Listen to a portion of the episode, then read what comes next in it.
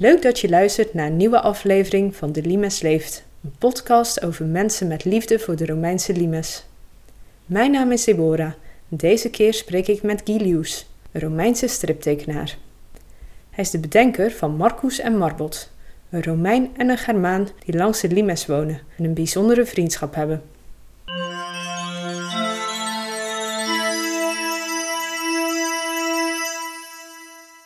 Ik ben dus Gilius, dat is mijn pseudoniem. Ik ben eigenlijk een soort striptekenaar geworden over de Romeinse tijd in Nederland.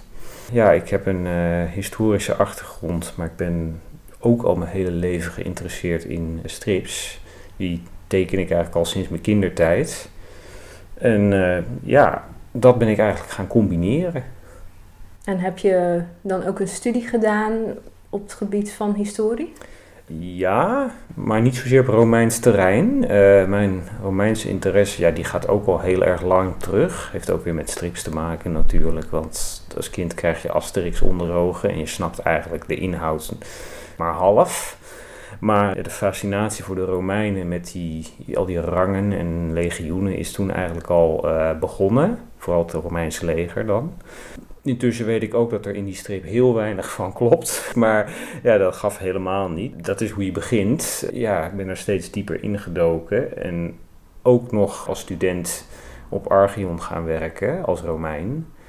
Op een gegeven moment is het zo'n grote fascinatie dat mensen ook wel eens tegen je zeggen: Joh, denk jij ook wel eens aan wat anders? Nou ja, gelukkig wel. Maar uh, ja, eigenlijk zitten mijn twee jeugdfascinaties dus bij elkaar in uh, wat ik nu maak in Marcus en Marbot. Kun je eerst even vertellen hoe dat idee is ontstaan? Want je vertelt over die gecombineerde interesse ja. van strips en geschiedenis. Maar hoe kom je dan tot Marcus en Marbot? Ja, dat is ook weer zo'n, ja, eigenlijk toch gewoon zo'n inkopmomentje geweest. Kijk, bij Archeon hoort ook een vereniging Vrienden van Archeon. Daar zitten ja, allerlei leden bij. Ook mensen die uh, bijvoorbeeld vrijwillig werk in het park doen. Uh, bijvoorbeeld aan, uh, aan de planten en zo. Maar ook allerlei andere dingen. Maar bij die vereniging hoort ook een verenigingsblad, de Nova. En ja, toen was ik op een gegeven moment als medewerker, was ik daar op de redactievergadering. Ze hadden het over het, blad, het blaadje vernieuwen. En ik zei van, nou, misschien is een strip wel een leuk idee. En ja, toen zei eh, iemand anders meteen van, nou, eh, dat zou jij wel zelf kunnen maken. Dan had ik eigenlijk een beetje voor elkaar, wat natuurlijk ook mijn bedoeling was. Ik dacht, nou, kan ik me daar lekker uh, een beetje in uitleven. De vraag was alleen, ja, wat ga je dan maken? Ga je gewoon steeds een los grapje maken over iets willekeurig historisch? Daar moest ik over gaan nadenken. Ik bedacht een aantal verschillende grapjes. Op een gegeven moment dacht ik, nou heb ik iets te pakken. Want ik had een Romein en een Germaan. Ik dacht, daar moet iets mee te doen zijn. Dat is wel een leuk concept, want die zijn natuurlijk ook qua ideeën heel verschillend, qua achtergrond. Dus die zet je naast elkaar. De persoonlijkheden die gingen bijna vanzelf daarmee. Maar toen zat ik wel met de vraag, ja, hoe ga je ze dan eigenlijk noemen? Nou ja, Romeinse namen die kende ik zat. Germaanse namen, dat moest ik wat meer in lijstjes opzoeken. Dat zijn bijna altijd ook stamhoofden. De ene naam is weer te lang, de andere die zit weer zo in elkaar dat, ja, dat een leek zou denken dat het een vrouwennaam is, of enzovoorts, enzovoorts. Maar toen vond ik de naam Marbot, dat was eigenlijk uh, koning van de Marco-mannen in de tijd van keizer Augustus. Maar ik bedacht mij toen dat dat allitereert met Marcus, en zo heb je de naam van een lekker klinkend duo. Daar ben ik dus mee gaan spelen na een paar stripjes. Ja, had ik door dat het ook natuurlijk vrienden zijn, want anders ga je niet samen dingen doen. Maar ja, je bent als vrienden soms ook heel verschillend. Dat zit er zo af en toe ook in. En ja, soms inderdaad grappen over de actualiteit, uh, een beetje koddige satire en soms gewoon zitten er op de achtergrond grapjes in verstopt die alleen een ingewijde snapt. Maar eh, het is niet mijn bedoeling dat de strip alleen voor kenners leuk is. De bedoeling is dat het voor iedereen leuk is. De Romeinen zijn hier natuurlijk in Nederland geweest. Ja. Toen nog geen Nederland uiteraard. Uh, die hebben de boel veroverd. En de Germanen, dat, dat was de lokale bevolking. Hè? Speelt mhm. Marcus en Marbot dan ook echt hier in Nederland af? Ja, ook dat heb ik een beetje moeten ontdekken in de loop van de eerste strips. Ik heb ook verschillende opties afgewogen. Zou Marcus bij een legioen zitten, misschien in Nijmegen. Maar ja, ik vond Nijmegen, ik dacht van ja, daar denkt iedereen aan. Het mag wel een beetje anders. Het is altijd maar, als het gaat om Germanen in Nederland, dat zijn natuurlijk verschillende stammen. En iedereen denkt meteen aan de Bataven. En dat is terecht, maar er is veel meer. Dus ik dacht eerst nog zou het kunnen gaan om een vergeten legioen, dat dan in het westen zit, in Zuid-Holland, bij de Cananefaten. Ja, dat doet de waarheid wel heel veel geweld aan. Toen dacht ik, nou, het moet toch gewoon zo'n fortje aan de Rijn zijn, zo'n castellum. Ja, daar zaten dan meestal hulptroepen. De uitleg is hier dat het een detachement is van legioensoldaten, dus een klein deel afgesplitst van een legioen, dat daar ooit heen is gestuurd en sindsdien niet is afgelost of zo. Uh, ja, het is een beetje, het, het, is niet 100% realistisch natuurlijk, maar dat hoeft ook niet, want het is humoristisch bedoeld. En in hoeverre houd je je aan nou, historisch correctheid, zoals dat heet? Ik doe mijn best om dat zoveel mogelijk te doen, maar met nadruk op mogelijk. Soms zijn er dingen waarvan je niet helemaal weet hoe het was natuurlijk. Dan ga je voor een interpretatie en later kom je erachter dat die intussen niet meer helemaal uh, je dat is. Dus dan ja, moet je kiezen of je het in nieuwere stripjes gaat veranderen of dat je het toch zo laat. Maar ja, soms, soms zijn er ook dingen die je natuurlijk expres een beetje los moet laten, omdat het dan grappiger is. Bijvoorbeeld als Stel dat Marcus en Marbot langs de Rijn naar Matilo gaan, het fort dat in Leiden stond. Dan komen ze op een gegeven moment langs allemaal winkels die langs de weg aan de Rijn staan en ze verkopen hier meubels. Ja, dat is een verwijzing. Dat snapt bijna niemand waarschijnlijk, maar dat is een knipoogje naar de Rijneke Boulevard die bij Zoeterwoude staat. En dat is natuurlijk een anachronisme, want er stond daar niet ineens in the middle of nowhere een winkelstraat. Oké, nou, dat is juist wel leuk. Dus soms komt eigenlijk deze tijd, wordt een beetje verweven in de Romeinse tijd. Ja, want dat is, dat is ook weer een vorm van satire. Hè? Soms uh, sommige figuren die dan in het dorp wonen of zo, die, die lijken dan op bepaalde politici die nogal ja, theatrale uitspraken doen. Ja, die zijn natuurlijk een makkelijke prooi om naar prooi om, om een beetje een grapje over te maken. Ik bedoel, het is ook niet als iets anders dan een grapje bedoeld. Maar ja, inderdaad, op zo'n manier verwerk je er toch knipogen naar, de, naar het heden in.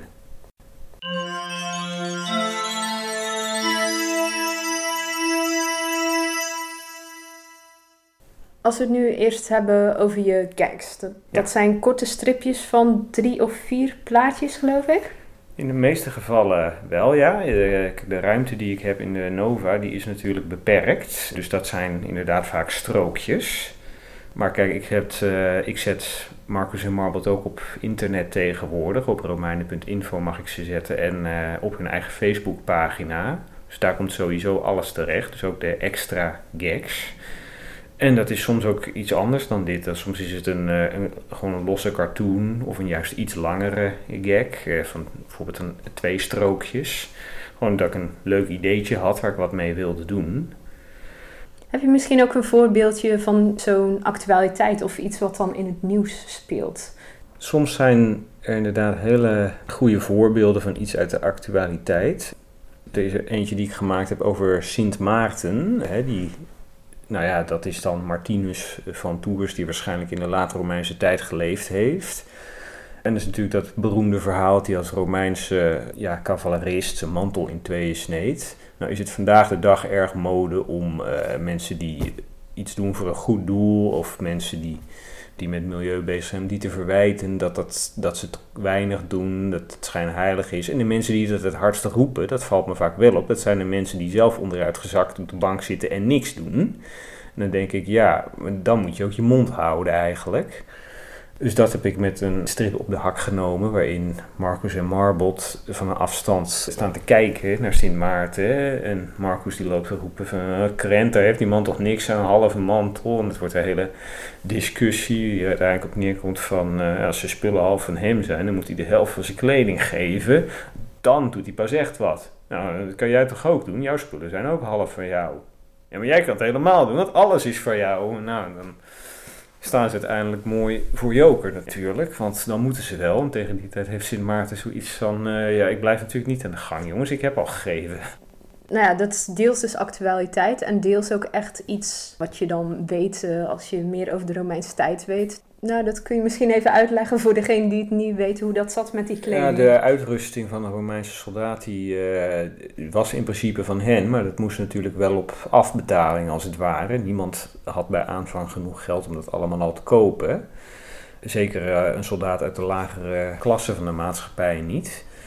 Dus eh, dat werd eigenlijk geleidelijk aan op je soldij ingehouden. Eh, eh, gewoon administratief werd erbij gehouden hoeveel je al afbetaald had. Volgens het verhaal had Sint Maarten dus nog niet genoeg afbetaald op het moment dat hij de bedelaar tegenkwam. Dus sneed hij de helft van de mantel af die zogenaamd al van hem was. Het- ik heb de helft betaald, kan ik maar de helft aan je geven. Dat is hier een beetje het idee.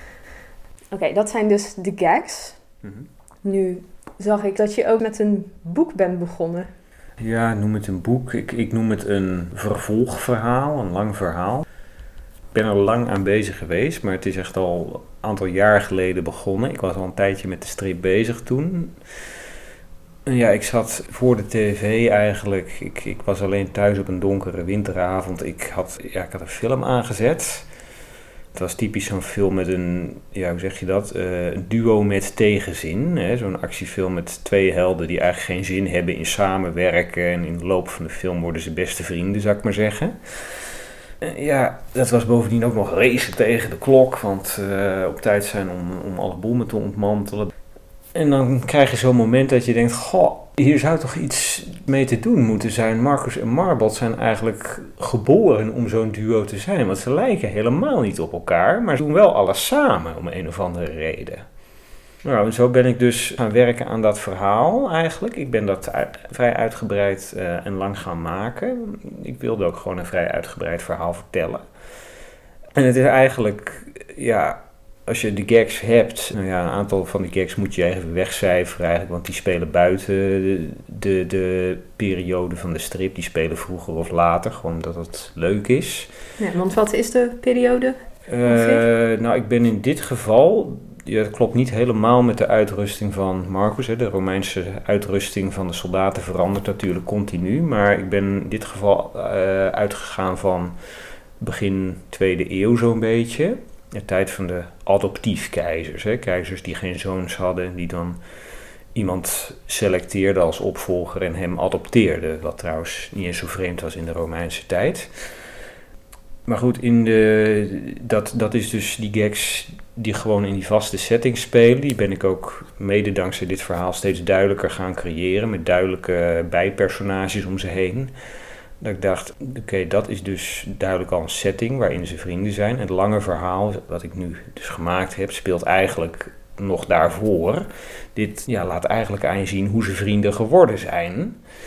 Want, nou ja, sterker nog, in het begin van het verhaal, het duurt best een tijdje voor ze allebei in beeld verschijnen. Eh, Marcus die duikt pas op pagina 6 op en Marbot duurt nog wat langer voordat hij echt een actieve rol krijgt voor ze elkaar tegenkomen en echt samen wat gaan doen. Dus het, het is eigenlijk, ja, het is in veel opzichten een beetje een soort komische versie van een actiefilm, maar dan als een strip. Het bevat veel humor, maar ook wel wat spanning. En ja, ik wilde vooral een leuk verhaal maken. Eh, iets wat ik zelf leuk vind en ik hoop dat een hoop andere mensen het ook leuk zullen vinden. Ik merk in ieder geval dat er wel wat mensen zijn die dat vinden en dat, dat, ja, dat doet me erg goed. En nou ja, de hoofdpersonen Marcus en Marbot. Kun je nog iets vertellen over wat typerend aan hen is? Ja, ze hebben een eh, behoorlijke wisselwerking. Ja, kijk, vrij snel toen ik aan, met de stripjes bezig was, werd duidelijk dat Marcus een beetje, ja, degene is met een grote mond. Hè. Hij waant zichzelf de dominante van het stel. Hij is degene die het snelst tot actie overgaat. Hij is ook wel de minst bescheiden van de twee. Hij heeft eigenlijk van de twee personages heeft hij de meeste eh, fouten, zal ik maar zeggen. Hij heeft een soort latente arrogantie. Hij vindt zichzelf heel wat, ondanks dat hij eigenlijk niet zo heel veel bereikt in zijn leven. En hij ehm, is er ook van overtuigd dat het Romeinse Rijk iets fantastisch is, waar eigenlijk die onderworpen volkeren maar blij mee moeten zijn. Hij kijkt niet, niet echt op ze neer, maar hij heeft wel een soort onbewust een soort superioriteitsgevoel. En ja, Marbot is dan vergeleken met hem eigenlijk heel droog en saai. Die, die zegt niet zo heel veel, heeft vaak een vrij lome uitdrukking op, op zijn gezicht natuurlijk. Dat is ook een keuterboertje dat niet zo heel veel ambitie lijkt te hebben. Hij heeft gewoon een klein boerderijtje, heeft een vrouw, twee kinderen en ja, waar hij nou eigenlijk precies van leeft, is ook niet helemaal duidelijk. Hij, hij doet maar gewoon een beetje raak. Verder maakt het niet zoveel uit. Hij heeft dus ook geen hekel aan de Romeinen of zo. Uh, het kan hem eigenlijk niet zoveel schelen zolang hij zijn ding maar doen kan. Uh, maar als je dus ook goed op Marbots gedrag let, dan merk je dat hij eigenlijk wat slimmer is. Omdat hij wat minder snel zijn mond open doet, wat minder snel begint, maar iets meer bezint eigenlijk. Hij denkt iets meer na bij wat hij doen moet. Hij wacht iets meer af, zodat hij eerst kan inschatten hoe het moet. Hij is eigenlijk wat slimmer.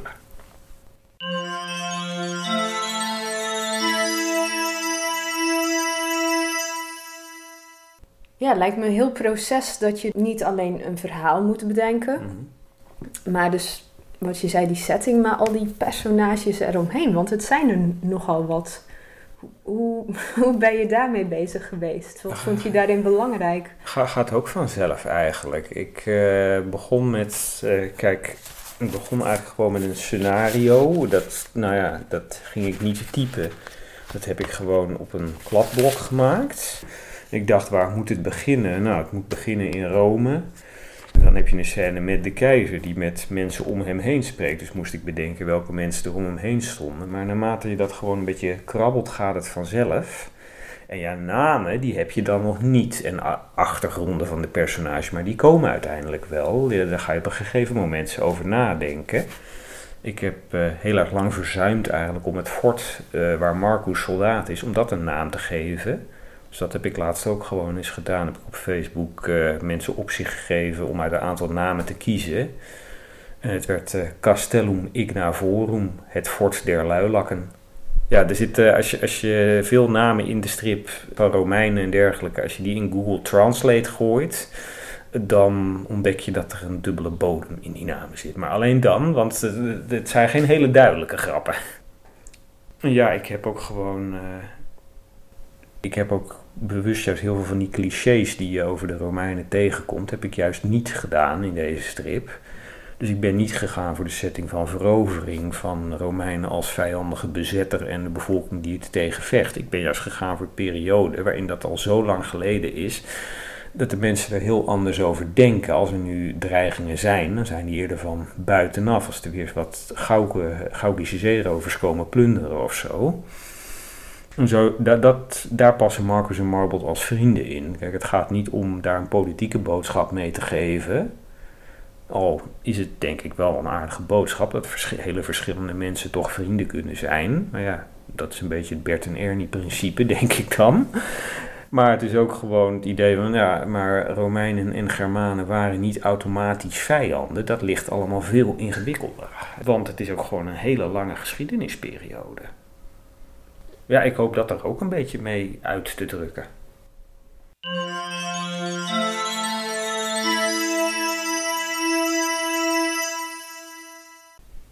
Het is mooi hoe Gilius met zijn strips een frisse blik werpt op de Romeinse tijd in Nederland.